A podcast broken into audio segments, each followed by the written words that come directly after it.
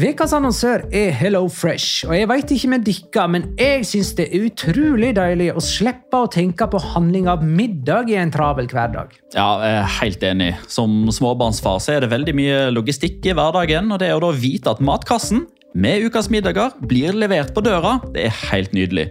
Da slipper du impulskjøp på butikken når blodsukkeret er lavt, og når du kommer hjem, kan du bare ta ut posen med dagens ingredienser fra kjøleskapet og sette i gang matlaginga. Ja, Du kan velge mellom 25 ulike retter hver uke.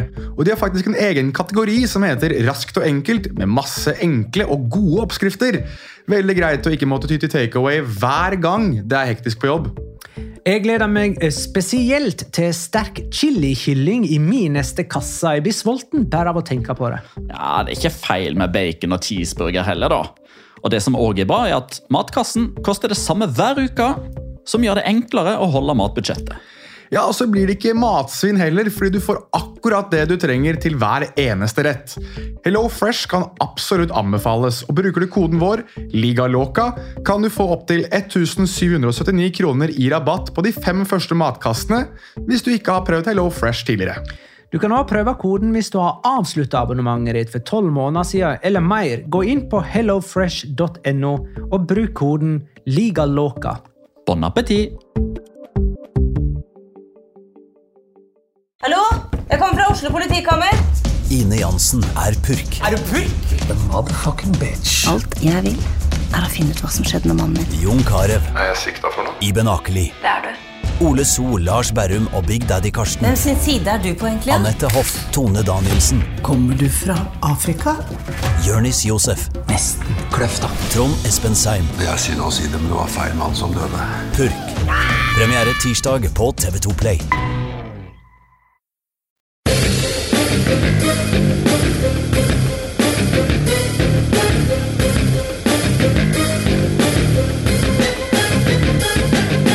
Har du sett? Real Madrid er ligamester for 35. gang, og dette trofeet virker overraskende enkelt for dem å innkassere, med fire runder igjen å spille.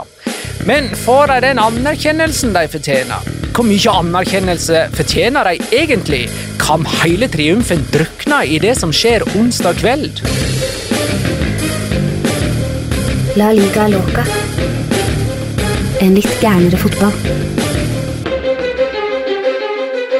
Ja, ja, ja, dette er La Liga Loca episode 206 av det ordinære slaget med Petter Wæland i Oslo sentrum, hei. Hei sann, god dag, god dag, god dag. Petter Wæland i Oslo sentrum, hei. Eh, Jonas Giæver i Oslo sentrum, hei. Home of great shaloms. Og Magnar Kvalvik i Oslo sentrum, hei. Hei, Magnar. Eid Mubarak, Magnar. Eh, ditto. Eid Mubarak, Petter. Eid Mubarak, alle sammen. Eh, men kan man si eh, sånt til de som ikke feirer ramadan? Jeg tenker at vi bare Ja, det kan man vel for så vidt. Det er kanskje ikke Det blir ikke helt riktig, men ettersom det er, deg er id i dag, så tenkte jeg at jeg skulle si det, og det eneste jeg kunne si det til i det rommet her, var dere. Forutenom deg, kjære lytter, Id Mubarak. Ja, vi kan si det til alle våre muslimske lyttere og venner. Id Mubarak. Uh, er det noe mer vi skal si? Ja, er det det? Jeg vet da søren, jeg. Det er, er veldig mye annet vi skal si. Uh, vi Nei, kan, men da har ikke vi noe større å si. jeg regner med at du skal inn på annet at det ble kronet en spansk seriemester. Du trenger kanskje ikke å gratulere Real Madrid-supporterne riktig ennå, eller? eller skal vi gjøre Det det? kan vi godt. Ja, det kan vi gjøre. Gratulerer! Ja, ja, ja. Enhorabuena a todos aficionados del Real Madrid. Sånn. Det blir jo dobbel gratulasjon for de uh, våre muslimske lyttere da, som hadde Ja. id og, og hele pakka. Ja, det her er helt Det- fantastisk. Det er ikke verst, det. Jeg Skal, nå går vi i gang med runde 34, kamp for kamp. Mhm. Som starta med Sevilla Cádiz fredag kveld. 1-1. Eh, Josef Enesiri skåra sitt første mål siden september. Lucas Perez utligna for Cádiz med et vanvittig frisparkmål. Disse to lagene har til sammen spilt 27 uavgjort denne sesongen, så sånn måtte det bli. Eh, Fire seire på de siste 14 seriekampene på Sevilla, som virkelig ikke sto distansen. Hva skjer der, tror vi nå framover? For de, de tviholdt på nøkkelspillere uh, til denne sesongen. Ta Kondé, for eksempel, som var en hårsbredd fra å reise til Chelsea. Det kan han være glad han ikke gjorde nå, kanskje, men uansett. Eh, og det eh, lokkemiddelet Sevilla hadde da, det var at de skulle virkelig satse denne sesongen og liksom gå for det helt store. Men nå har lufta gått ut av den ballongen, eller? Altså ettertrykkelig òg, og nå er jo på mange måter spørsmålet egentlig bare om de klarer å unngå grunnstøt, altså kraftig, de siste fire rundene, at den eh, tredje- og fjerdeplassen ryker òg. Altså de, de, har nok bygd seg opp et stort nok forsprang til at uh, ja, nå kommer vi jo inn på en Real Sociedad-kamp senere her da, som gjør at de sannsynligvis er ute. og Så får man se hvordan det går med Betis i kveld. da. Det Er jo de som, altså er det noen som skal komme opp og nikke dette her fra Sevilla i løpet av de siste fire rundene, så er det jo Betis. Men uh, kanskje har de allerede sparka bein på seg sjøl når du hører dette her, kjære lytter. Men uh, de, det er alarmerende. Og det var som Jeg husker ikke helt jeg tror det var et svar på tweeten til La Liga Lowdown som eh, liksom oppsummerte kampen med ja, 1-1, nytt dårlig resultat for Sevilla. What's their problem, liksom. Og Da var jeg helt enig i den første kommentaren som kom der. Det var helt tilfeldig at jeg så den, men den var så bra. Og jeg kan bare oversette den til norsk. De er altfor lette å lese offensivt. De er altfor lette å forsvare seg mot. De, de, altså det, Diego Carlos, Jules Condé, Fernando, hvis de tre spiller, så bare vender de spill over på høyre, og så forsøker de seg der. Prøver å sette opp trekant, to mot én, lykkes ikke. Inn igjen tegner de tre, og over på venstre. Så gjør de akkurat det samme. Noen ganger så lykkes Lamela eller Ocampos eller Soso eller hvem det nå er som spiller, og, og får den ballen inn i feltet, og så taper eh, Rafa Mir eller Josef Enesyri åtte av ti dueller. De to de vinner, klarer de enten å sette i mål, eller så kommer andre ball, trykk og skåring. That's it.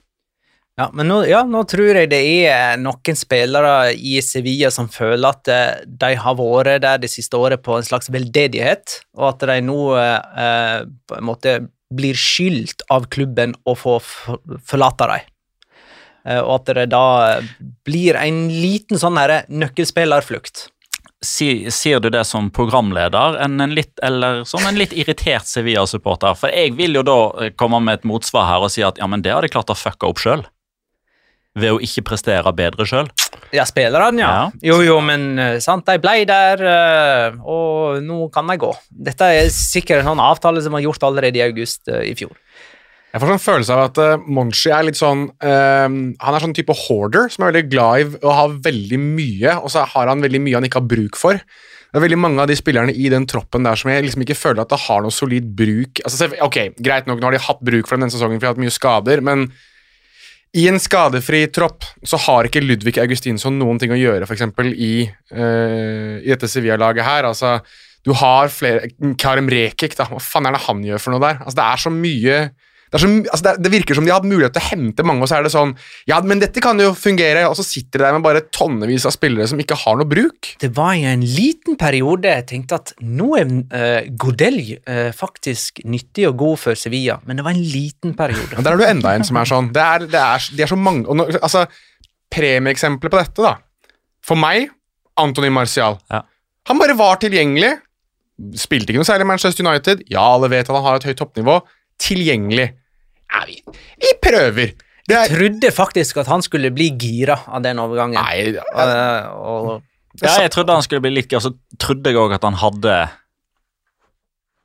Nei, han hadde ikke Nei, det er nettopp det. Han hadde ingenting. Altså det, men det, er, det, presenterer seg muligheter som Sevilla tar, og så kan vi genierklære Monchi for de som uh, blir riktig, og så er det ganske mange som nå etter hvert ser ut til, å bli feil. Mm. Så da er spørsmålet er, Den derre knivseggen mellom genialitet og galskap, den balanserer Monchi veldig på nå. Ja, og et annet relevant spørsmål her med liksom Sevilla som klubb, da er jo hva, hvor skal man ha forventningene?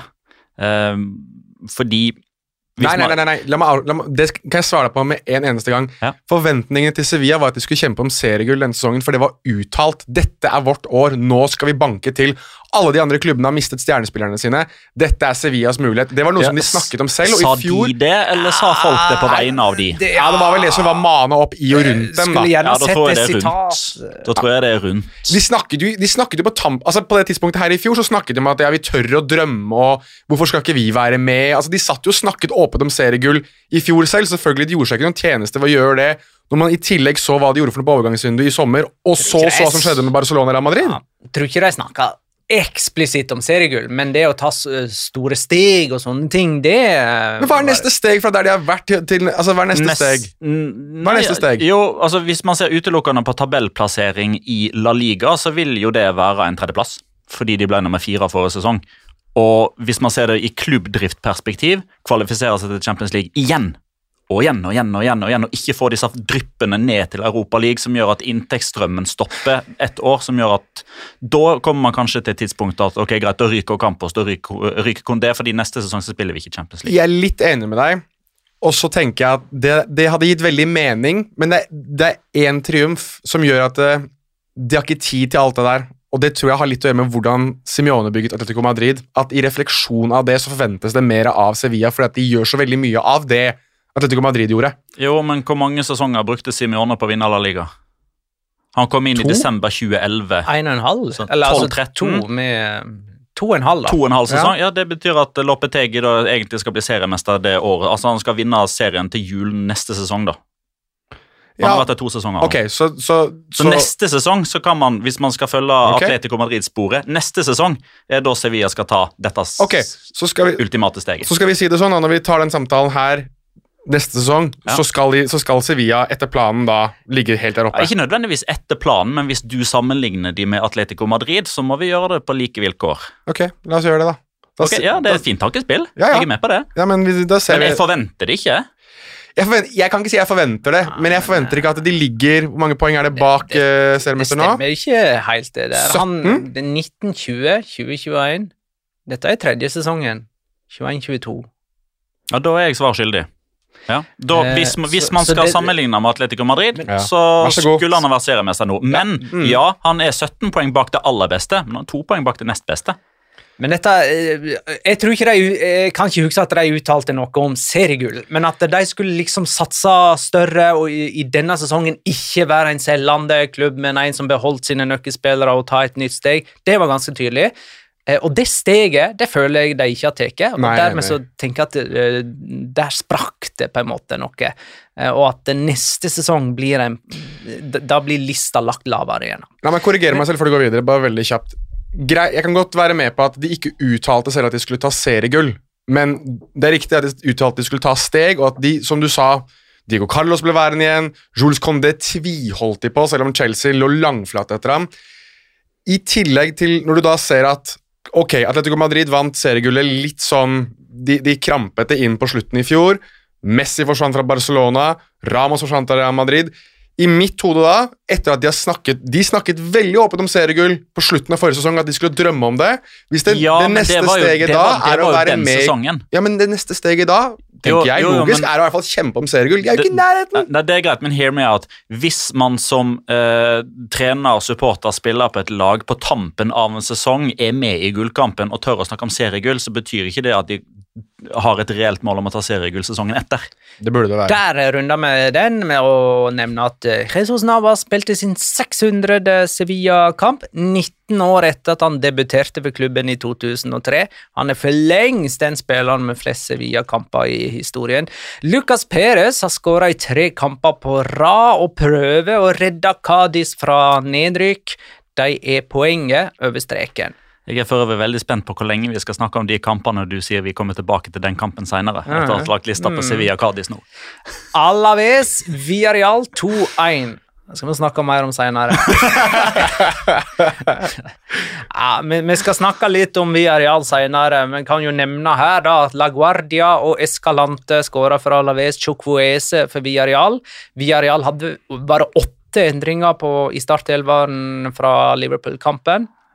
Jeg syns det er ganske Noe sånt. Mye. Noe sånt. Og uh, Alaves er fremdeles under streken. Det er fire poeng opp til Kadis på trygg grunn, og Alaves og Kadis møtes i aller siste serierunde, faktisk. Kan vi ta en ting bare kjapt om Alaves? De vant jo her uh, 2-1, åpenbart. Ingen av skåringene av Joselo. Det er første gang siden oktober at de vinner en kamp uten at Joselo har skåra. Da var det Mamadou Loum som skåra vinnermålet mot eh, Elche av alle klubber. Oppsiktsvekkende. Ja, dette er en enhjørning hva angår resultater for Alaves sin del. Real Madrid Español 4-0. Real Madrid trengte ett poeng på å bli seriemester og tok alle tre med en overbevisende seier med ganske store rotasjoner. Eh, Rodrigo skåra to mål, Ascencio og Benzema ett hver. Benzema kom jo inn her og skåra, og ble assistert av Venicius Junior, som òg kom inn. Eh, mer om eh, Real Madrid og deres ligatriumf eh, senere. Valencia Levante 1-1. Eh, her skåra Ugo Doro først for eh, Valencia. Oscar Duarte utligna for Levante. I mellomtiden så fikk José Luis Gaia rødt eh, kort. Her hadde Levante sjanser nok til å vinne, og en seier her kunne hatt enorm betydning for dem. Da hadde de hatt fire poeng opp til trygg grunn. I stedet for så er det seks. Og eh, vi kan jo ta spørsmålet fra Abrahamsen. Hvem tror dere rykker ned? Har vi gitt opp Levante nå, eller? Og Levante ga vi vel opp for i, jeg tror det var tre episoder siden. Vi, har, vi takket jo av eh, Levante, Ja. du og jeg, da Petter ikke var med den ene gangen. Ja, var det en påskeveke, det? Ja, Og Alaves, vel? ja, men jeg, ja, men jeg står på de to. Jeg tenker at Men jeg vil Vi tror Levante, Alaves og Granada rykker ned, eller? De tre nederste nå, Jeg tror eh, Granada holder seg. med Karanka Jeg tror Aitor Karanka redder dem. Karanka-effekten. Karanka-effekten. Men da må ikke vi glemme at eh, Cádiz har en viss effekt. eh, Mallorca har Agirre-effekten. eh, Alle disse her lagene nede har jo bytta trener. Men, Hva blir dere ta for da? For der har jo effekten gått vekk. Ja. men hvem var først å bytte trener av Mallorca, Cádiz og Granada? Cádiz. Nettopp. Så at Cádiz rykker ned sammen med Alaves og Levante.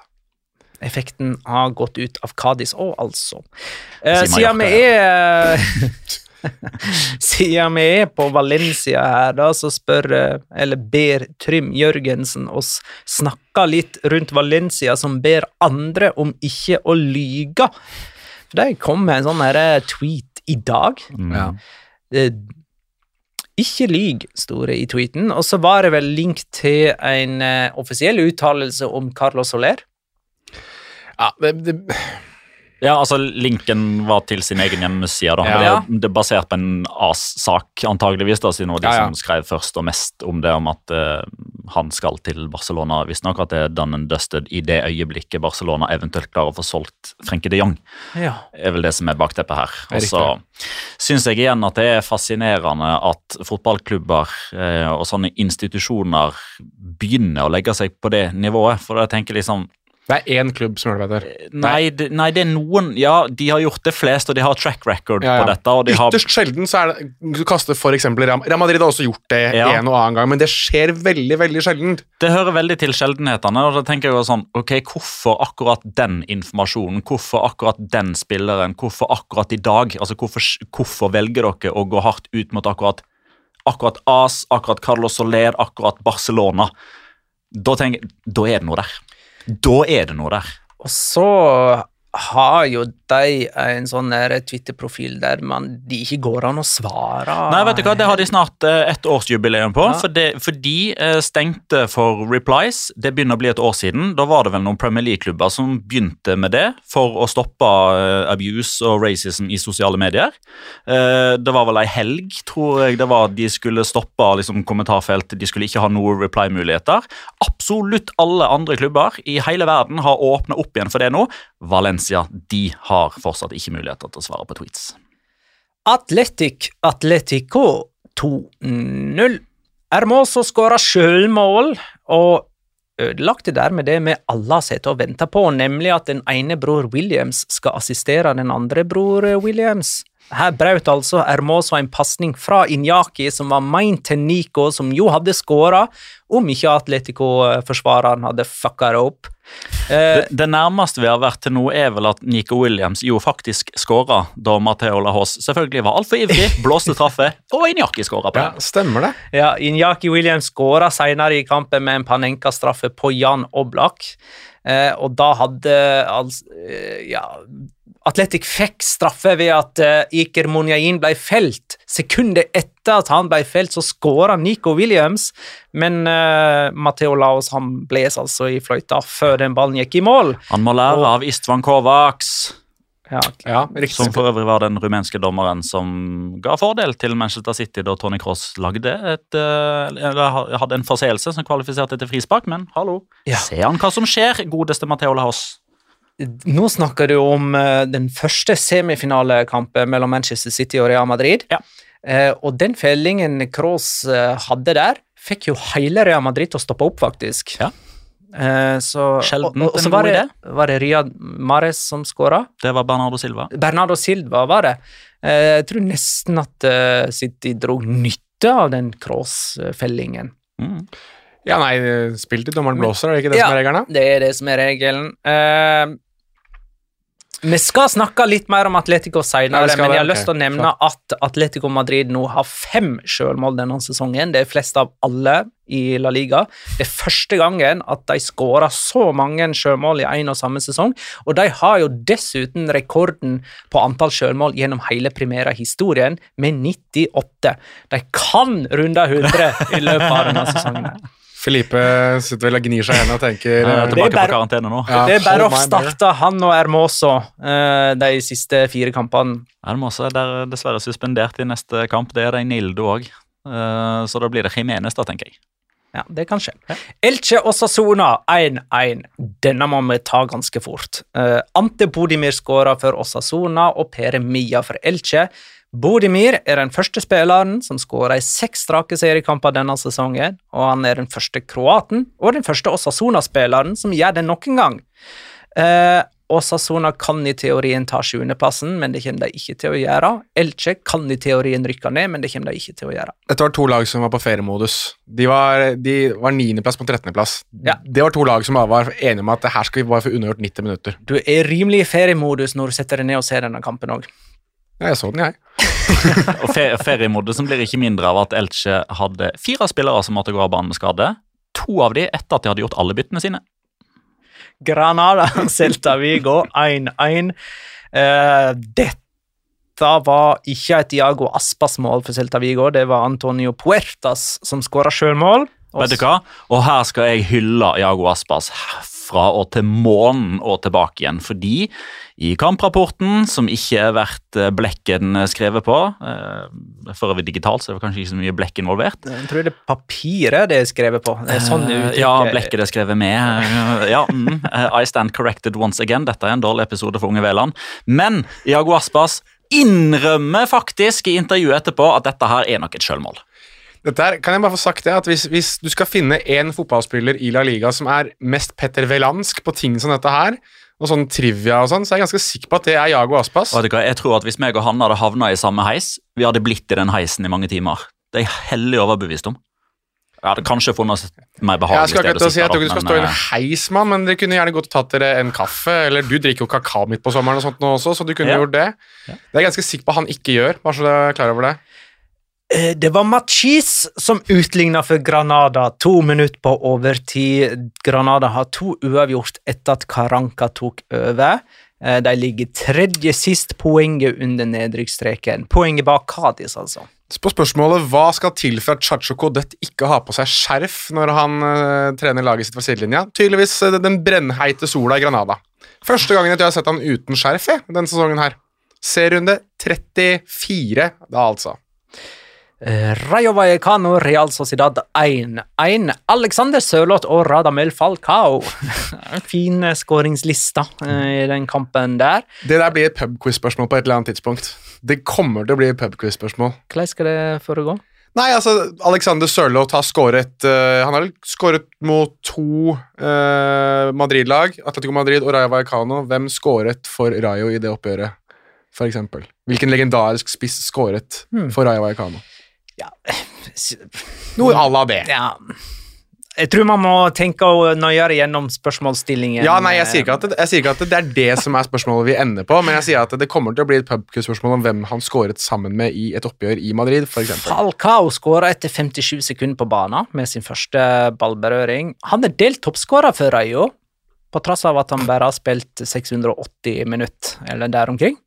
Eh, Real Sociedad utnytta dermed ikke i særlig grad at Atletico tapte denne runden. Eh, La Real kunne ha vært tre poeng bak fjerdeplassen, men eh, det er Stemmer at det er seks poeng. Det er fem poeng opp til fjerdeplassen. Det gir meg mening. Eh, ja, de er uten sin toppskårer Øyar Sabal. Det er svært få eh, mål å hente i det Real Sociedad-laget. Det er en ting, altså, det har vi jo snakka om gjennom eh, hele sesongen, for så vidt, men Sørloth skåra dessverre for lite, selv om han hadde en fin en her. Eh, både Isak og Porto skåra langt mindre enn de gjorde forrige sesong. Jeg tror ikke Porto har et Han nærmer seg et år han nå siden forrige skåring. Eh, Men altså, lyspunktet i så måte her må jo for så vidt være Sørloth. Jeg syns han har vært skikkelig ja. god nå i siste, den siste måneden. Den, den skåringa her, den er sørlotsk. Hvor Ja. han bare altså, banker til med venstre. Og du ser jo at Dmitrijevskij rekker ikke å reagere før den ligger i målet. Altså Han rekker ikke bort, enkelt og greit. Ja, for det, det, var, det var et angrep like før der eh, Sørloth valgte å spille til Porto, Mm. som bomma. Eh, og så virka det som da, noen minutter seinere, så tenkte Sørloth at nå får jeg ta saken i egne hender. Men jeg, jeg føler litt grann at um, Alexander Sørloth og Alexander Isak kan ikke spille sammen. Det er, de skal begge være for mye main man. Um, og det er, noe, det, er noe, si, det er ikke noe gærent i det. Det er ikke det at det er noen fallitterklæring mot verken Sørloth eller Isak, men jeg tror at begge er avhengig av at angrepene legges til dem, at det er de som er hovedfokus. Og når de skal dele på det, så, så fungerer ikke det like godt. Det er jo noen, noen, altså Uten sammenligning for øvrig, det er jo litt det man har sett på det norske landslaget òg, når Sørloth og Haaland skal spille sammen. Så det kan jo være at Sør- Sørloth er litt avhengig av at han bare er hovedfokus i et angrep. Barcelona-Mallorca 2-1. Memphis Depay og Sergio Busquets skåra for Barcelona. Rayo skåra for eh, Mallorca. Eh, og dermed så stoppa den eh, stygge tapsrekka Barcelona hadde på heimebane. De hadde tre strake tap på kamp nå.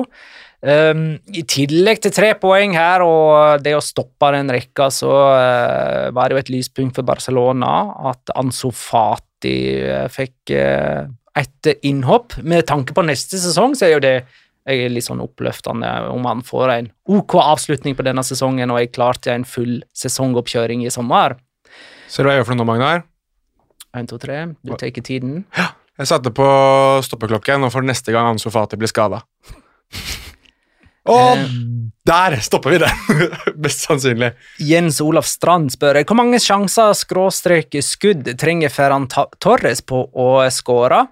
Eh, og det er egentlig litt morsomt, for han skåra jo, mm Mhm. men eh, fikk målet annullert for offside, og det var så ettertrykkelig òg. Mhm. Jeg veit ikke hva du prøver å si, eh, Petter. Det betyr nei. Altså nei, han gjorde ikke det. At han ikke skåra. Nei. Fordi at det var Aubameyang som var sist på ballen. Riktig. Jeg syns det var kjempemorsomt at det først var offside idet ballen ble spilt inn i feltet, Mm. og så kom det et skudd på keeper, og da sto Ferran Torres i offside, og så tok han returen fra offside-posisjon, da, og så skjøt han mot mål og traff Aubameyang. Eh, som jo lå i offside før ballen gikk i mål. Så det var tre offside. Offside. Det var sånn herre Du skal ikke skåre, Ferran Torres! Det er offside, offside, offside! Yeah, yeah, yeah. Et annet spørsmål kan jeg jo ta, da. eh, Men, men det som faktisk også er litt sånn morsomt da, med akkurat den siste, da, når, når Aubameyang ligger og spreller der, er jo at den kroppsdelen han scorer med, er jo ikke altså Han forsøker liksom å strekke foten ut sånn at han liksom ikke skal være i offside, men hodet hans og resten av kroppen er jo på feil side. Eh, siden vi var inne på dette med Carlos Soler og Frenke de Jong, så spør eh, Mosta Masta eh, hva tror vi skjer med Frenke de Jong denne sommeren? Altså, jeg, jeg har en feeling av at det er noe der. Altså, Jeg legger merke til at uh, er veldig på at nei, han skal ikke selges. Uh, jeg er veldig på at uh, Barcelona-support Jeg skal ikke si at de har tagga han ute, men det tar ikke, det tar ikke mange minuttene før uh, man får svar på tiltale slash tweets når man uh, tvitrer om disse ryktene som, som kom annet fra AS i dag, med at en av tingene som liksom må skje da for at Carlos Soler skal bli Barcelona-spiller, er at Frenke de Jong blir solgt. Um, og helt i begynnelsen da så tenkte jo jeg det samme som ganske mange andre nok tenkte når disse Manchester United-ryktene kom. Ah ja, to pluss to, Erik Den Haag, liksom. Det er naturlig at det blir skrevet om og spekulert. Men dette, dette Frenke de Jong-greiene på generelt grunnlag har jo egentlig vart over tid, og jeg tenker at som regel så er det ikke, det er ikke røyk uten ild. Det det er, en grunn til at fordi Hvis man ser hva, hva Frenke de Jong betyr for klubben, hvor populær han er, hvor lang kontrakt han har, så skal jo han egentlig være intransferible, men allikevel så kommer disse skriveriene gang på gang på gang på gang. Minner meg uh, veldig om Arthur, Arthur Melo-situasjonen. At det, Selv om han presterte bra og var god for Barcelona, så var det alltid det verre med at han forsvinner, han forsvinner, han forsvinner. han forsvinner. Og Så vil vi håpe for, altså for Barcelona sin del at ikke de får noen sånn type Miralem Pjanic i retur denne gangen. jo, jo, men, jo, men, det er artig at du bringer fram Arthur til toget. Ja, okay, han, uh, van, der, van de Beek, ikke det han heter? Van de, ja, da, ja, han kom i retur. Mm. Nei, men Det er artig at du bringer fram Arthur, fordi han ble jo til slutt solgt. Ja. På grunn av økonomi. Og ja. det er nøkkelen her. Ja. Fordi Frenke de Jong er Altså, Du kan sette ganske mange Barcelona-spillere i sånn bås Uh, hvis vi er veldig generaliserende. Du kan ta liksom den eldre garden som ikke har noen markedsverdi, fordi eventuelt kjøpende klubb kan ikke selge de videre. Alba, Busquets, da har du Piquet. Jordi Alba, Busquets, Piquet, Dani Alves. Mm. Uh, jeg vil nesten ta med Sergi Roberto der òg, fordi han har vært med så lenge. Og så har du den gylne fremadkommende generasjonen som ikke kommer til å bli rørt i det hele tatt. Pedri, uh, Araujo, Gavi, Ansu Fati. og så har du Osman Dembélé, som per definisjon har en høy markedsverdi, men han har kontrakt som går ut. Du har Antoine Glisman, du har Philip Coutinho, som, som har vært store stjerner. Høy lønn, eh, på vei ned, begynner å trekke på årene, eh, markedsverdien synker. Mens Frenkie de Jong egentlig er den eneste som A er på vei inn i sin beste alder, B er rutinert og har erfaring, C har lang kontrakt, D har stor markedsverdi.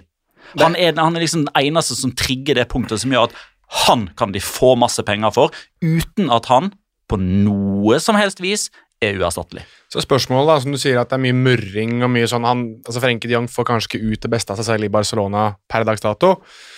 Og Jeg dro jo opp dette her inne på discorden vår, som du for øvrig kan få tilgang til gjennom Patron, patron.com slash aligaloca, eh, om at hvorfor ikke vurdere å selge Hvis Manchester United da er den klubben som er mest gira på Frenkie de la oss si det, i et tenkt scenario. Hvis Barcelona kan presse ut si 70-80 millioner euro av Manchester United for Frenkie de Jong. Og så kan de investere 30 av de, sikkert ikke noe mer, for å kjøpe Carlos Soler. Da sitter du da igjen med hva blir det for noe da, rundt 50-60 eh, pluss for å ha solgt uh, Frenkie de Jong og kjøpt Carlos Soler. Jeg syns, jeg syns ikke det høres ille ut. altså. Jeg syns det virker som en vinn-vinn ja, for Barcelona sin del. i hvert fall. Frenkie de Jong får spille under Erik Ten Hag, og, og Carlos Soler får lov til å forlate være havarerte Bordaletaen. Og da mener jeg at alle og, og, Valencia får penger som de tydeligvis trenger, eller Peter Lim får lov til å legge det i lomma si, eller hva nå enn som foregår der. Så sånn, eh, sånn vinner alle. Da kan vi Jo, vi må nevne at Getafe Real Betis eh, ikke er spilt når vi sitter i studio. Det er litt synd, for det kan potensielt være en ganske viktig kamp. Jeg tipper det blir en sånn typisk her sparker vi Her ødelegger vi for spenninga alle steder. Det vil si at Retafe tar minst ett poeng. De blir ikke involvert i nedrykksstriden. Da sa jeg faktisk driten. Det var no pun intended. Eh, og Real Betis blander seg ikke inn i Champions League-striden. Greit, da skal vi snakke om Real Madrid, som er ligamester for 35. gang. De avgjorde dette i suveren stil. Um, så vi se, de er nå 15 poeng framfor lag nummer to, Barcelona. Det er bare 12 poeng igjen å spille om. Og Viktor Hallnes eh, spør hvor mye klarer dere å hylle Real Madrid og Carlo Ancelotti for seriegull til Los Blancos? Jeg syns egentlig det er en litt sånn interessant spørsmålsstilling. Eh, jeg kan eh, følge opp spørsmålet med får Real Madrid for lite, for mye, eller akkurat passelig med honnør for denne prestasjonen? Jeg syns det var en ganske interessant diskusjon som pågikk på Twitter var det på lørdag kveld, etter at ja etter at Real Madrid har blitt kronet seriemester. Jeg husker ikke åh, uh, Dette her høres kjempearrogant ut, men jeg husker bare ikke hva han heter. Han er, Andreas Er det feil mann, eller noe ja, sånt? noe i ja. den duren der. Altså jeg, det, ble jo, det ble jo litt sånn opphetet, men jeg synes det var en sånn, jeg leste over den i etterkant, synes det var en veldig veldig god diskusjon om hvordan du, for eksempel, hvordan du skal rangere både Real Madrids seriemesterskap og Carlo Ancelotti. Carlo Ancelotti er jo første treneren noensinne til å vinne alle de fem store ligaene. Det synes jeg er jo helt sinnssykt bra. Han heter for øvrig Andreas Theilmann Jensen, så har jeg fått navnet hans riktig. Um, Kjempemorsomt at han har bare ett trofé Ja. i hvert av de landene. Ja, det er litt gøy. Og så er, er det jo et argument er jo at han har trent altså på toppnivå i vel 30 år. Så er, han har muligheten og har hatt liksom tiden på sin side, eh, kontra en del andre av disse som han er ute og kjemper mot. Men jeg synes det som var det som var argumentet andre veien, var jo det at Real Madrid har spilt i en liga som har vært ganske dårlig denne sesongen her. eh, og at det liksom ikke har vært noen ordentlig utfordrer til Real Madrid. Det syns jeg jo På en måte så er det et, et, et poeng. På en annen måte så synes jeg at det snakker egentlig mer til hvor gode Real Madrid har vært. For dette her har vært en ganske jevn og fremdeles en ekstremt jevn La Liga-sesong, men bare Real Madrid har vært mange hakk bedre. Og det, har, og det synes jeg ikke at Vi kan ikke snakke om at ligaen er dårlig. Da må vi heller snakke om at Real Madrid har vært gode. Og hvorfor har Real Madrid vært gode? Jo, det er fordi at flere av disse altså profilene deres, Courtois, eh, Benzema spesielt, de to har virkelig steppa opp og virkelig vært eh, verdens beste i sine posisjoner. Men det er også fordi at de har hatt en trener, Ancelotti, som har styrt dem og har klart å passe på at ja, det har vært veldig mange av de samme spillerne hele tiden, men han har klart å holde de skadefri og klart å holde de motiverte gjennom hele denne sesongen. her. Real Madrid har jo manglet motivasjon gjennom sesongspill tidligere. Det har jo sett hvor de taper hjemme mot uh, Levante, de spilte uavgjort eh, hjemme mot Cádiz på um, Alfredo Stefano. Altså Det er resultater som har ødelagt for, ødelagt for dem hele veien. De har ikke hatt noen særlig av de denne sesongen her. Da står de igjen som seriemester, og det er sett i lys av at Barcelona basically har vært programforpliktet til å vinne den ligaen der det siste tiåret så syns jeg det er sensasjonelt ja, at Real Madrid uh, har gjort det så bra som de har gjort det. Hadde de vunnet ligaens siste serierunde som Atletico Madrid gjorde i fjor, selv om Atletico Madrid lå mange mange poeng foran på et tidspunkt, så hadde det vært litt sånn ja, ja, ok, men de er seriemestere fire runder før slutt. Mm. Det er ganske spinnvilt. Altså, jeg synes jo vi altså, vi har jo vært inne på den der eh, Vi kalte det vel på et tidspunkt for rovdrift på spillerne når han valgte å ikke rullere, ikke rullere, ikke rullere. Og da var vi, eller jeg kan bare snakke for min egen del, da, men jeg mener å huske at det var en liksom felles enighet her, at vi var veldig spente på hvordan mars-april kom til å bli, når det virkelig liksom Når skruen strammes og de skal prestere både her og der. Han har motbevist eh, meg, i alle fall. Eh, Det gikk fint. Den måten han eh, har jeg, lagt eh, kabalen denne sesongen Sterkt terningkast. Og så er det jo noen som sikkert vil snakke om at ja, men se på troppen til Real Madrid, se på stjernespillerne. Han har gjort det her med Azard i troppen, som ikke spiller. Med Gareth Bale i troppen, som ikke spiller. Han har også, og dette har vært et aber mot han i lang tid, at han ikke klarer å få fram unge spillere.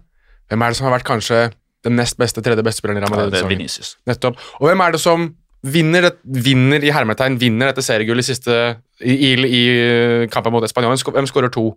Rodrigo. Ikke sant? Ja. Ja, Litt synd at det ikke var Vinni. At Ja. han har vunnet kampen for dem. Uansett, eh, den lille Gåsa eh, skåra to mål for, Espan for Real Madrid mot Español. Så det er liksom de tingene som har vært ankepunktene mot han hele veien, motviser han nå. Mm. Så jeg, jeg mener at Carlo Ancelotti og Real Madrid fortjener alt skryt i verden. Mm, men det blir kanskje et lite antiklimaks når de er teoretisk seriemester for en måned siden og matematisk seriemester, mens det fortsatt gjenstår en måned av Ja, det blir et Og- antiklimaks. Det gjør det. Og det man, det man gjerne husker Altså serievinnere man gjerne husker, det er noe som har vunnet på dramatisk vis. Ta for eksempel eh, Man glemmer liksom aldri eh, Manchester Citys triumf i 2012, da de vant ligaen på overtid på siste kampdag. Det var ikke fordi at Manchester City var så gode den sesongen. De Nei, nei, nei. tapte ganske mange Gjorde det. kamper. Real Madrid i 2007, den comeback-sesongen. Man husker den 2007-en bedre enn denne her, tippa jeg, sånn for, for tiden som kommer framover. For det at den gangen så kunne jo faktisk tre-fire lag vinne med to runder igjen, liksom. Ja, Det man også husker, er jo de, de to lagene vel, som begge, både Mourinhos Real Madrid og Barcelona under Guardiola, som begge hadde 100 poeng. De, de lagene husker man jo også. Sånne rekordbrytende prestasjoner. Ja. Ja. Men altså, 21-22-sesongen til Real Madrid, sånn isolert sett La Liga, forholdsvis fort i glemmeboka for eh, hvermannsen og rangering av ligagull, hvis man skal gjøre det på et eller annet tidspunkt med mest dramatiske, mest imponerende, viktigste etc. Det kommer òg et stykke ned, men du verden. Det fratar jo ikke folk den gleden når de sto på Sibeles der og jubla. Ja, ja, men ikke sant. Det er en prestasjon å vinne serien sånn som Real Madrid har gjort nå, der de aldri egentlig har spilt med kniven på strupen. De har aldri hatt dette her behovet for å være best under press eller best når det gjelder. De har aldri eh, Det var Sid Lowe som poengterte det at eh, de har tapt tre kamper denne sesongen. Og det er alltid med sånn ti kampers mellomrom. De har aldri hatt en sånn her dårlig periode med to tap og tre kamper eller to strake bortetap. De har alltid reist seg etter et nederlag og gått ni-ti kamper uten tap Mm. etter det forrige tapet. Fun fact, det er kun to lag som ikke har tapt to kamper på rad i La Liga denne sesongen. Real Madrid, Real Madrid og Cádiz. og Nei, nei Cádiz har jo tapt 14 kamper. Ja, jeg tenkte kanskje det var noe uavgjort-greier som hjalp dem. Det kunne vært. De har så mange uavgjort. Ja, de, de, har, de har tapt to kamper på rad, eh, og flere til. Tre, faktisk. Ja, eh, Sevilla, da, siden de har nest færrest Mm. tap. Ja. Nei, men jeg, jeg er enig med deg, Magnar. Og så er ehm, Nei, vent litt. Atletica heller ikke det. Atletic har ikke tapt to kamper på rad denne sesongen. Nei, men de det er bra sjukt, altså. Ja, men de skal ende på, ende på tiendeplass uansett. Um, Den ryker med Valencia på tolvte i klink. Men jeg tenker jo uansett at um, det Carl Carlo Angelotti får til, da, som er kanskje det som er prov på et mesterlag, er at når når de først går på et tap Dette var noe Manchester United ofte gjorde under Ferguson, husker jeg. Hvis de gikk på et tap, si mot Liverpool eller mot City eller mot en rival, så visste du at neste fem kampene så skulle de bare, de skulle bare vinne de neste fem kampene. Og så gjorde de som regel det. Og det er litt den derre å ikke legge for mange Uh, eller for, for stor vekt på én kamp. Altså Husker du da Barcelona vant El Clásico, Piquet, We're Back og alt det greiene der? Altså de, det Barcelona-laget, beklager å si det, beklager å si det til alle supporterne som, som hører på nå, de, de lå der lukta noe jævlig på sine egne fjerter der, altså den der perioden der. Fy faen, og de holdt på, ass. Fy faen, det var så mye prompelukting eh, der at det var nesten til å bli kvalm av. Bokstavelig talt. Men, men Real Madrid reiste seg etter det og tenkte at ok, nå starter vi på nytt igjen med en ny rekke kamper. Mens, mens Barcelona levde i sin egen lille boble. Og den ser vi jo nå at de altså Tre strake hjemmetap, sesongen havarerte der. Altså det, det er fotball, og det er noe Carl Angelotti tydeligvis har klart å prente inn i huet på disse spillerne her. da. Kim Allergodt spør eh, om Real Madrid sine sjanser mot City. Kommer det til å gå? Real Madrid møter altså Manchester City på Santiago Bernabeu onsdag kveld. Er ikke det sånn nå at Alaba ser ut til å være ute av det oppgjøret? Jo, han ser ikke ut til å, å rekke det, ellers er det vel alle mann alle. Eh, jeg tør ikke helt å spå at de kommer til å klare det, men jeg tror de kommer til å gi det et helsikes forsøk. Fordi det var en ting jeg la merke til, og det så jeg at andre folk på Twitter la merke til, at det var liksom, det var én ting som altså, Og det, det var nesten som at her var det direktiver fra, fra Florentino Perez før kamp. at Ta dette ene poenget, vinn gjerne kampen, men det viktigste i dag, etter kamp, uansett hvem dere snakker med, uansett hva dere skal si, man opp til at folk må komme på onsdag og skrike halsen av seg. Jeg tror de klarer det. Jeg tror eh, Hadde ikke overraska meg. Nei, men jeg tror de klarer det. Og jeg syns også det var litt gøy det at Carl Angelotti også var litt sånn på at han ville ikke legge noen føringer på hvordan de skulle feste den kvelden de vant seriegull. Og det er sånn, det er litt sånn Jeg tror det er en slags form for reverse psychology også. At gjør som dere vil. Men husk at eh, på, på onsdag så venter City. Men dere bestemmer. Vil dere feste og være møkk dritings eh, gjennom helga? Vær så god. På onsdag så bestemmer dere, eller er dere med på å bestemme om sesongen er terningkast fire eller potensielt fem, eventuelt seks. Ja. Men eh, prøv dere på et lag, da. Det blir jo Courtois i mål. Mm. Eh, går ut ifra Carvahall og Mendy på bekka. Ja. Eh, er der Militar den ene stopperplassen? Og så Det blir jo Nacho, da. ikke Casemiro ned. Nei, det tror jeg ikke. Jeg eh, Dette blir min brann. Krå- nei, Kroos kan for alt i verden ikke ha den dype mot Nei, nei, nei, Manchester nei. City. nei men jeg, jeg, Kan han gjøre heiltaket mot Manchester City? Ja, det kan han. jeg, legger, jeg, jeg, jeg prøver meg på en litt sånn brannfakkel. Jesus Vallejo. Han var veldig god nå mot Español. og tror at um, Kan jeg få lov til å bare helle vann på den brannfakkelen med en gang? Eller er han, ut, er han ikke registrert i troppen engang? Jeg? Jo, jo da, men det, det burde han kanskje ikke ha vært. Men uh, nei. Altså, Espanol kom til 20 avslutninger. Jeg synes han var god. At Español ikke skåra mål Altså, det- Var det bare jeg som syntes han var god? Jesus Vallejo 1 av den æren der, altså. Men dette var Vallejo sin andre seriekamp for sesongen, og det er bare én grunn til at han spiller den. Ryan Bertrand debuterte i en Champions League-finale som Chelsea vant. Ass. Jeg, jeg, jeg har en feeling hva? Apropos debutanter. Mario Gila er foran Jesus Vallejo i min kø. ja, vel. Eh, Vent, ja, du, men- vent når Jesper starter den kampen her, skal jeg, da skal du få høre det. Greit, da Da sier blir det, da blir det Twitch-sending, kan jeg love dere. eh, Det er to mot tre eh, som sier Nacho og Eder Militao som stopper par.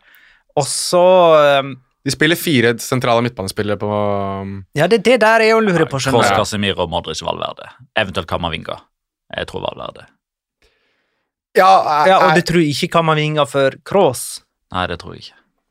For igjen, så i, i eh, oppgjøret på Etihad, så ble Cross bytta ut, og så skåra Real Madrid i alle fall ett etter det. kan Ceballos Bajos lure seg inn her, da? Bare sånn, Jeg bare lurer. Han, Jeg hadde var likt å se det, men Ja. jeg, jeg, jeg tror Angelotti er så veldig, veldig klar Nei, jeg er på enig. hva som er Men jeg, synes, men jeg er sånn som tenker at han har spilt seg inn i tankene til Angelotti nå. Han burde i hvert fall spilt seg inn i tankene til Angelotti neste sesong. Altså Den der Mm. Drømmeovergangen til så videre, den tror jeg de bare kan legge på is med en eneste gang, for nå har den vært god, ass. Men samtidig så handler det kanskje litt om, om signaleffekten man gir både til seg sjøl og de frammøtte her. Og jeg tror kanskje La oss si at altså, Real Madrid-fansen de valfarter til Santiago Bernabeu, og det er full kapasitet av det som er tillatt nå med byggingsarbeid. Så kommer lineupen eh, vanligvis da én time før. Real Madrid legger den ut fire timer før. Den er faktisk ute nå. ja, ikke sant? Og så det liksom Ok, fire mann på midten. Skal det bli en sånn Skal vi ha den inngangen? Istedenfor bare Vet du hva? Dette er vår hjemmebane. Det er vi som skal vinne. 4-3-3. Asensio, Rodrigo, en av de to. Benzema, Venicius. Nei. Vi kjører! Nei. Jeg tror det heller ikke, men jeg tror kanskje det hadde vært eh, en bedre Nei, nei, Nei, for sånn som det har lagt opp nå, så er ikke Rodrigo med fra start. Nei, det, det- det- syns jeg han bør. Altså To mål i La Liga nå. Champions League er jo hans turnering. Altså Tallene hans i Champions League de er på grensa til ville. Nei, men jeg tenker uansett at hvis Si at den bekken på ene siden, det andre blir vel, vel Cancelo på ene, og så er det Walker som rekker, rekker han det oppgjøret? Jeg er ikke helt sikker. Ja, Det går ikke an til å tyde noe på Pep, i hvert fall, for han eh, lar jo folk gjemme seg i garderoben det kvarteret det er åpent for journalister, og så kommer de ut på trening Ja, uansett, så, så hvis det er Walker, si Walker Cancelo da, på hver sin bekk, så forestill deg en av de får gul kort, da. Og så kan man eh, dytte inn på Rodrigo. Jeg tror kan, jeg tror det er mye smartere i så måte. Um, men jeg, jeg, jeg er enig med deg, Petter, i det å, å virkelig liksom gå for strupen til City her.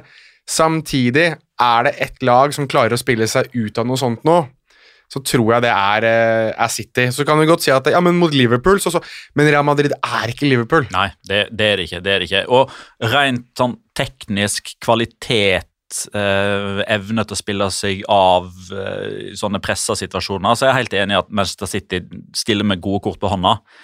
Men jeg er litt usikker på hvor gode kort de stiller med på hånda med tanke på denne atmosfæren og det å kjenne på den begivenheten. Fordi man snakker jo alltid om Manchester City som en klubb som mangler én ting. De mangler én ting for å liksom bli Erfaringa? så Nei, Champions League-trofeet. Men de var i finalen i fjor, så det er ikke det at det er noe helt nytt for dem å spille i en semifinale. Det er det ikke, men det er noe nytt for dem å spille en semifinale på Santiago Bernabeu. Er På nytt, den måten der. det er det, men det er ikke nytt for dem å spille på De har slått ut Real Madrid på Santiago Bernabeu før. Tomme tribuner, vel? Var det tomme tribuner da? Ja, det var jo koronasesongen, var ikke det det? Ikke sesongen før, da? Ah. Eller bommer jeg? Ja, mulig. Jeg tror på Heilinges finale. Jeg gjør det, jeg òg, det er jo det mest logiske, sånn også sett opp, opp mot resultatet fra førsteoppgjøret, men Petter, Jeg tror òg på helengelsk finale. det blir, så, blir ikke det tredje gangen på de siste fire årene? Nei, men jeg, si, nei, nei, jeg sier Real Madrid. Ja, jeg sa jo det innledningsvis, jeg tror de klarer det. Men jeg, men jeg, Nei, det, jeg syns du sa det eh, det mest logiske er å tro at det blir helengelsk, men jeg, Real Madrid overstrider jo en del logikk, da. Men hvis Det var folk på tribunen. Three strikes, I'm out. Da sier Peder takk for seg i denne episoden her. Eh, Hvis det blir heilenges finale, så er det tredje gang på fire år. Ja, og jeg tror det ene året der også, så var det helengelsk også i Europaligafinalen.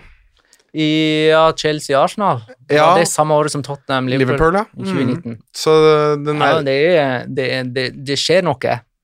Det, ja, det er noen tegn ja, det er, de, i tiden. så blir det Det hadde vært typisk hvis Leicester nå tar seg til uh, Conference League. Leicester, West, Ham, West Ham kan vel òg Westham kan ha League ta Europa League kan, Så nei, ja, ja, det er engelsk, engelsk wipe the floor-tid.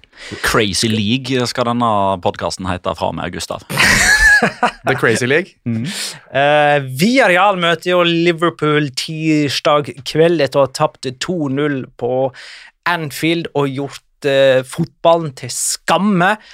Og har absolutt ingenting i dette selskapet å gjøre. Jason Cundy, altså. Eh, men, men ha, for å ta, være litt mer alvorlig, da Har Liverpool, nei, Villarreal nesten fått eh, litt sånn her press på seg nå om å liksom vise verden at de kan bedre enn det de viste på Anfield? Um, ja, altså både ja og nei. Eh, altså Definitivt fordi det man fikk til altså Nå kan jeg oppsummere det de fikk til på Anfield. Fer- Ferdig. De fikk jo ikke til noe som helst. De hadde ett skudd på mål, og det var en situasjon som ble avvinka for offside i etterkant. Så jeg tror, jeg, Ingenting. Nada, niks, null, zada, zip. jeg tror Ona Emery syns det er helt greit. Helt greit. Det blir ikke verre enn to. Jeg tror det er helt ok. Jeg tror, jeg tror alle sammen frykta at her skulle det bli fire, fem, seks. Ja, når den andre der kom, så, så tenkte jeg at eh, altså, Da skrev jeg altså 'her sank ubåten', men den, den har faktisk ikke truffet bånd ennå. Altså, den, er, den er nede og sniffer litt på Marianegropa, men det er fortsatt noen meter igjen før det liksom er fullstendig grunnstøting inn mot uh, Inn og lukter litt på man, mantelen, er ikke det det heter, som er inni der. Men eh, Unai Emery sa jo ganske klart at dette er ikke godt nok. Det Nei, nei, nei, nei, det var det overhodet ikke. de må vise bedre. Sa han til Eh, Kenneth? Dette er ikke godt nok, Kenneth, sa han faktisk. Men kan ikke du sette han uh, Jason Cundy, var det det det heter? Jason Cundy. Hvem er det? Altså, kan, du, kan du sammen... Cundy? Hvem er den norske eh, varianten av det? For jeg synes han har kanskje fått litt mer eh, spalteplass enn han kanskje fortjener. Ja, Jeg hadde egentlig ikke tenkt at navnene skulle komme opp her, eh, men jeg tar på meg skyldig for det, ettersom jeg brakte nå dette på bane. Altså, Jason Cundy er vel Hvordan skal jeg forklare det? Altså, Han spilte for Chelsea på sent 80-, tidlig 90-tall, vel? Da Chelsea ikke var noe sånn supergod, og så Løvenberg har hatt noe opphold innom Tottenham og masse låneopphold. Altså, han er ikke en han, han er Jeg kan google han vil jeg kjapt. også jo, i- i i, dag- Talksport. Ja, han- jo, men det, det, i dagens Jason altså, Hvis en norsk person skulle uttalt dette, hvem hadde det vært? Bare så for å sette det i kontekst, da, med tanke på hvor enorm eh, oppmerksomhet hans rant har fått. Christian Gauseth, kanskje, da? På en måte. Nei, for Christian Gauseth jobber jo for rettighetshaver. Altså, Da skulle Jason Cundy vært i et Premier League-studio. så faen, Ja, det er han jo ikke. tenkte For rettighetshaver. Nå tenkte jeg en spiller som altså, all, Jeg elsker Christian Gauseth, men han er jo en type som er kjent for å ha spilt i Mjøndalen og meldt noe ekstremt hardt. både Jo, men jeg, jeg tenker ikke på hans historikk som fotballspiller. Jeg tenker på Hvem er han i nåtidens Medie-Norge? Ja, jeg veit ikke hvem jeg skal sammenligne det med. Hvis jeg ikke får lov til å si Christian Gauseth, så veit jeg ikke hva jeg skal si. Han, han, er, i hvert fall, er en type som um, han, virker, han virker som han skjønner veldig godt hva han gjør i det studio. Det kan jeg si. Altså, Av en som har jobbet og har studert i England. Så uh, det er sjokkjock, som det heter det her. Altså, det er, Men vi kan ikke drive og Ja, det, dette er et medium som prøver å skape overskrifter med sterke ord. Uh, og det han eh, her kalte Viareals prestasjon, var a disgrace, altså en skam. Eh, som jo er ganske sterk kost mot eh, liksom en underdog eh, som har bitt veldig bra fra seg i Champions League, eh, og som Lars Sivertsen påpeker, med et lønnsbudsjett mindre enn Burnley sitt. Ja, og så bor det jo faktisk eh, ingen i Eller mindre enn Tønsberg, mindre enn Bodø, mindre enn alt. Det er jo ingen som bor i Villarreal. Aner ikke hvor mange som bor der, jeg. Der ingen skulle tro at noen kunne bo, altså. Du vet, du vet at når, når det er et tog som går gjennom byen, så øker antall folk som er i byen med 10% Det er faktisk sant. Det, vi, vi tre hadde økt eh, prosentantallet med ti. Eh, skal vi tro, da, for å ta en litt oppsummering om det som vi faktisk prøvde å snakke om her, at uh, Villareal eh, eh, leverer et bedre inntrykk og faktisk setter Liverpool på prøve, eller er dette her avgjort ganske tidlig. Altså Får vi en sånn tidlig Liverpool-skåring, og så er ikke dette spennende. Kan, kort sagt, kan det bli spennende på La Ceramica? Ja, det kan det. Kan bli spennende, men, men det avhenger av at uh, Først og fremst det avhenger av at Villarreal skårer først, og det avhenger nok av at den skåringa kommer i første omgang. Det tror jeg. Det er vel de mm, så er jo sikkert vann vått og paven er katolsk, men Jeg tenker, Hvis det står 0-0 ute i andre omgang, og du fortsatt har en følelse av at Villarreal kan skåre, så er det jo fortsatt liv i kampen. Ja, men jeg har en feeling på at Villarreal kommer til å skåre det første målet, og så er spørsmålet da Jeg tror at Liverpool er for gode til at uh, Jeg tror ikke Villarreal klarer å holde de borte. Greit. jeg- 1-1 og avansement for Liverpool. Ja. Uh, Atletico Madrid tapte altså. Vi må ta litt om eh, kampen om fjerdeplassen i La Liga. Vi har vel allerede toucha innom at Real Betis ikke, i likhet med Real Sociedad, uh, benytta seg av anledningen etter dette uh, Atletico-tapet. Betis eh, kan være poenget bak Atletico og fjerdeplassen, da. Eh, med seier mot Getafe mandag kveld. Atletico de har ni tap denne La Liga-sesongen. Det er en ny negativ rekord under eh, Simione. De har bare skåra ett mål. Nei, de har bare skåra i én av sine siste seks offisielle kamper. Eh, og har bare én seier på sine siste fire seriekamper. Og møter Real Madrid til helga i Madrid Derby. Så der er ståa for Atletico. I deres kamp om fjerdeplass så er de helt ræva.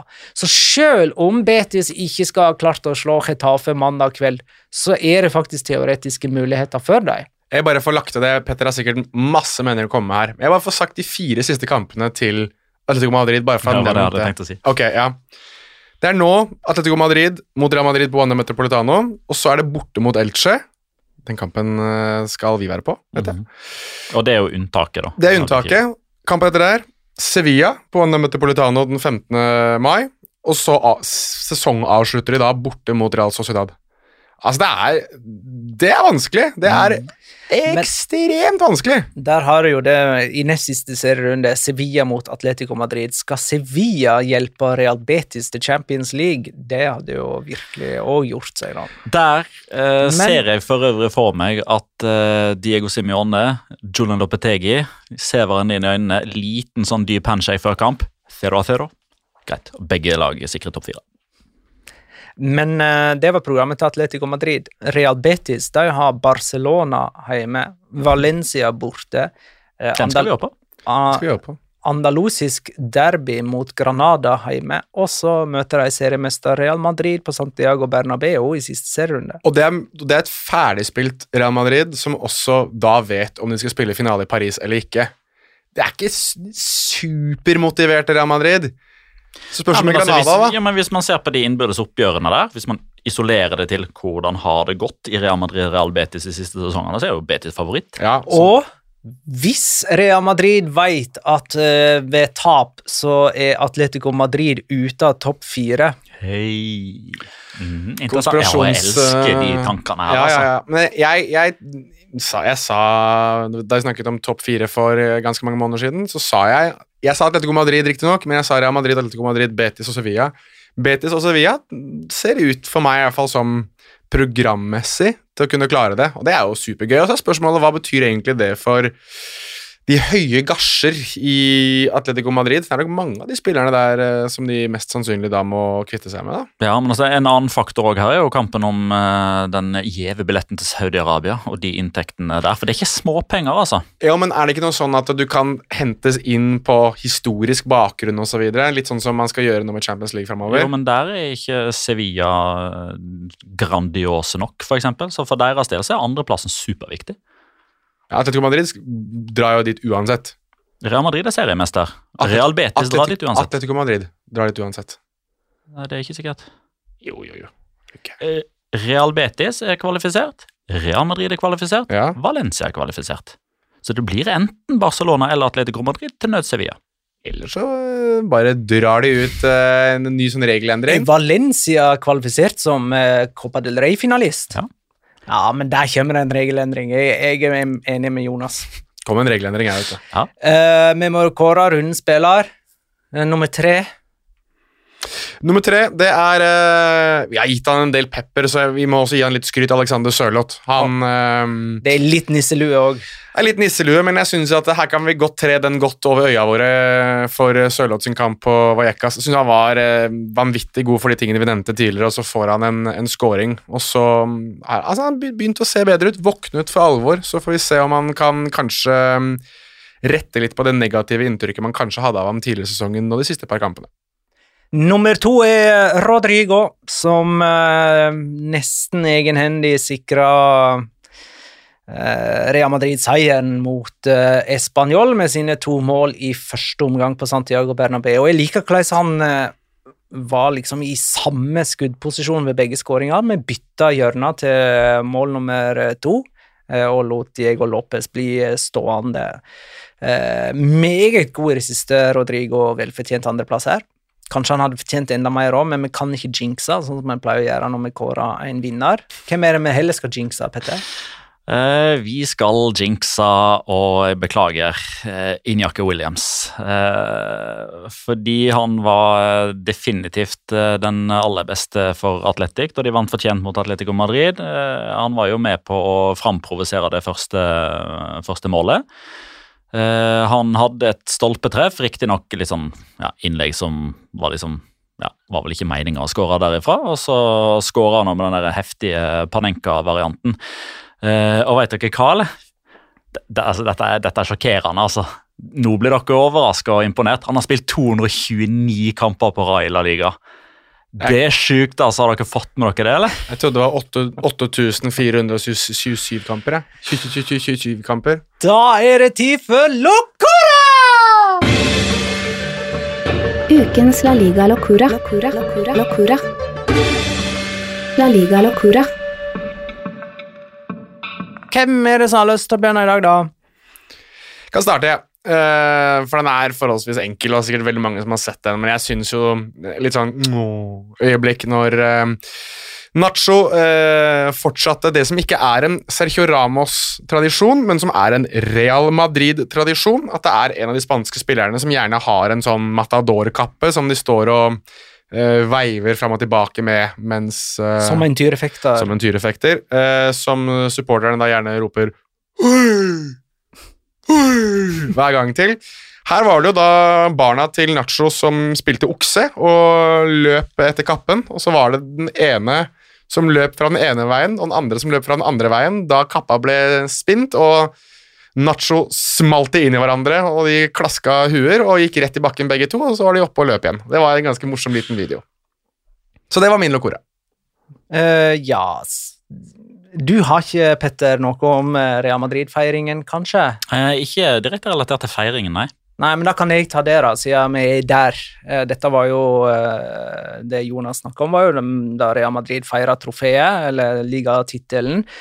Og dette med troféutdeling og løfting i Spania har har egentlig vært nesten en farse i mange, mange år. Det var da Real Madrid vant ligaen for første gang med Gareth Bale og Luka Modric. Gikk ikke de da rundt på banen og lurte på hvor hen det ble av trofeet? De gjorde i alle fall det da de vant på La Rosaleda bort mot Malaga her Ja. for en del sesonger tilbake. Var ikke det i 2016? Jo. Eh, the trophy? ja, ja, ja det, og, og det har ikke vært vanlig i Spania at uh, trofeet blir delt ut uh, idet man faktisk vinner uh, trofeet, men denne gangen ble det det. Og da hadde de altså klart å gjemme troféløftingen inn under et tribunetak, inne i skyggen, så man knapt så det. De Det gikk jo oppe på, den tribunedelen der det sitter sånne der prominente gjester som skal være i skjul og få sitte diskré og eh, i skygge for alt. Eh, Så publikum eh, på stadion kan umulig ha sett det. Det var knapt som vi klarte å se det på TV. Og de må jo ha sett det på storskjerm. Eh, For det sto jo langt inni, innafor tribunetaket og i, i skygge, men så kom de jo etter hvert ned på banen. da. Men det er liksom sånn, det, det er alltid et eller annet feil med troféutdeling i Spania. De får det der ikke til. Jeg har, et, jeg har et spørsmål angående trofé i Spania. For jeg vet at det er flere som har lurt på dette. Det er jo to trofeer nå, er det ikke det? Er det ikke ett du får av RFEF, altså de spanske fotballforbundene, og ett du får av La Liga? Fordi på alle grafikkene så er det jo det som er La Ligas trofé, men det trofeet de løftet, er jo det som er Primera-trofeet? Sånn som jeg har forstått det, så kom de med De presenterte et nytt trofé i 2016, Ja. eh, men det er fortsatt det gamle, klassiske trofeet som blir eh, løfta. Eh, og det er mulig det var fordi at jeg var i Valencia og stjal det nye trofeet for eh, et par år siden, men jeg trodde det var en kopi, da. Det høres ut som noe Tebas og Rubiales har klart å stelle i stand her, at nei, det er vi, nei, det er vi. Da blir det begge. Spania og trofé, det er en helt egen greie. Eh, Petter, det er din tur. Ja, og det er òg fortsatt relevant eh, i forbindelse med Real Madrid, og at de har blitt seriemester. Og i lys av diskusjonen, altså hvor mye eh, jeg, skryt skal de få for dette, her, så har jo Sports, eh, den Barcelona-baserte avisen Sport sin egen take på det. da. Eh, For i det øyeblikket, eh, altså klokka 18.10, eh, så er denne her eh, publisert, den 30. april. Det vil eh, altså si tre minutter etter at kampen var ferdig og Real Madrid var seriemester. Så denne lå klar. Eh, Overskrifta er Las decisiones arbitrales controvertidas que han marcado el título del, eh, de Liga del Madrid. Altså dommeravgjørelsene som har markert eh, bidratt til liksom, bidratt til at Real Madrid har blitt seriemester. Og Her er det åpenbart at her har en redaktør bare gitt beskjed til en på gulvet at denne artikkelen den skal være lang. Har ingenting å si hva du tar med, bare ta med alt som kan minne om kontroversielle dommeravgjørelser. Eh, og eh, det er totalt 18 stykker som er tatt med. Og, dette høres jo faktisk da ganske voldsomt ut. Ok, 18 kontroversielle dommeravgjørelser, men, eh, men hør nå her. Fordi eh, grunnen til at de har kommet opp i 18, er jo blant annet da grunn nummer 12. De tre straffesparkene Real Madrid fikk mot Celta. Det er grunn nummer 12. De tre var nummer 12. Nummer 13, det første straffesparket. Nummer 14, det andre straffesparket. Og nå er 15, det tredje straffesparket. Eh, og så er det også litt morsomt at altså Barcelona-fansen med rette er jo veldig på Casemiro, at han aldri blir utvist. Eh, fem av de er liksom utvisninger som Casemiro ikke har fått. Det som er veldig interessant, er at de òg har tatt med Dette er grunn nummer seks til at Real Madrid vant La Liga 21-22.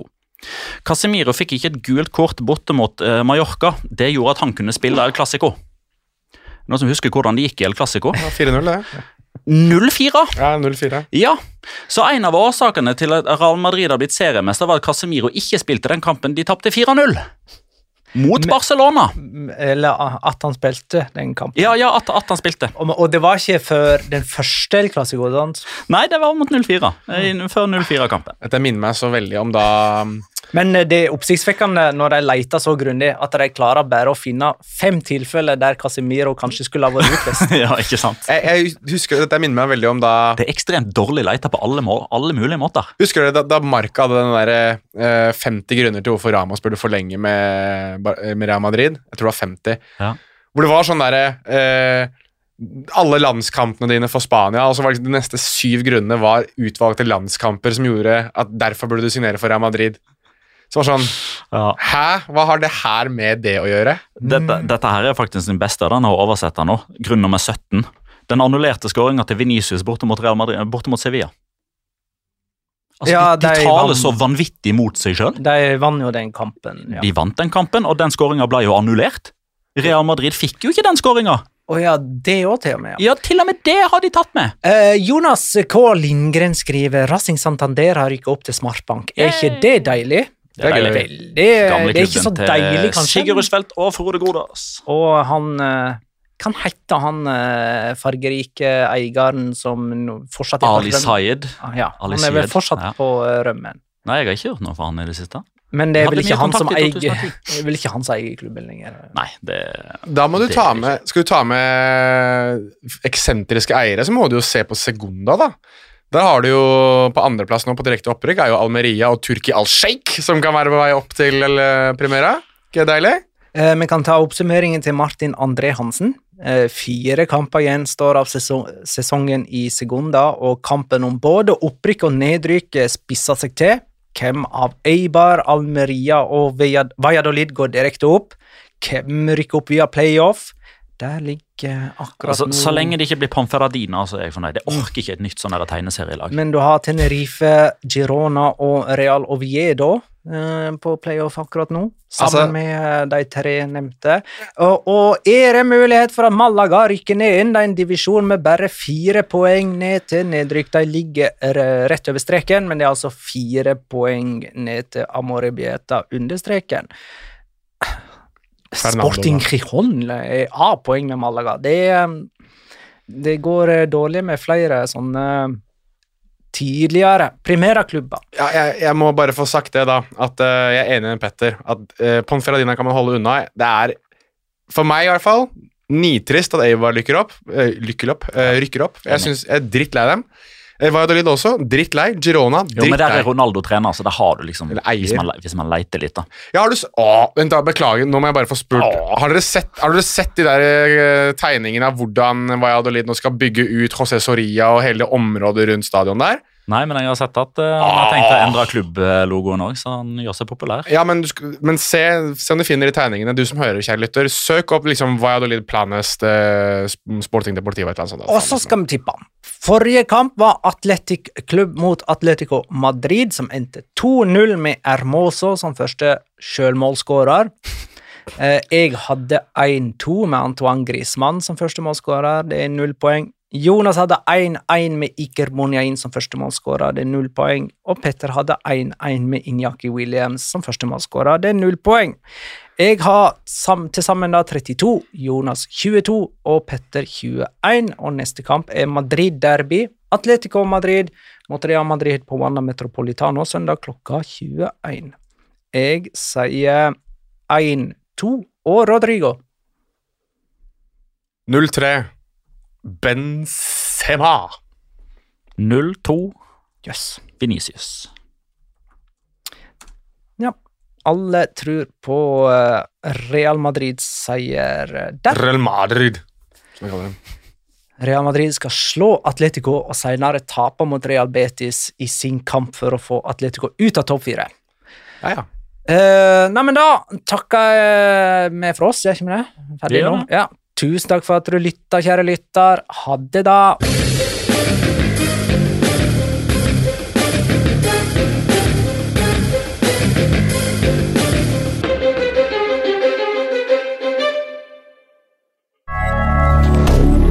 Moderne. Har du et enkeltpersonforetak eller en liten bedrift? Da er du sikkert lei av å høre meg snakke om hvor enkelt det er med kvitteringer og bilag i fiken, så vi eh, gir oss her, vi. Fordi vi liker enkelt. Fiken superenkelt regnskap.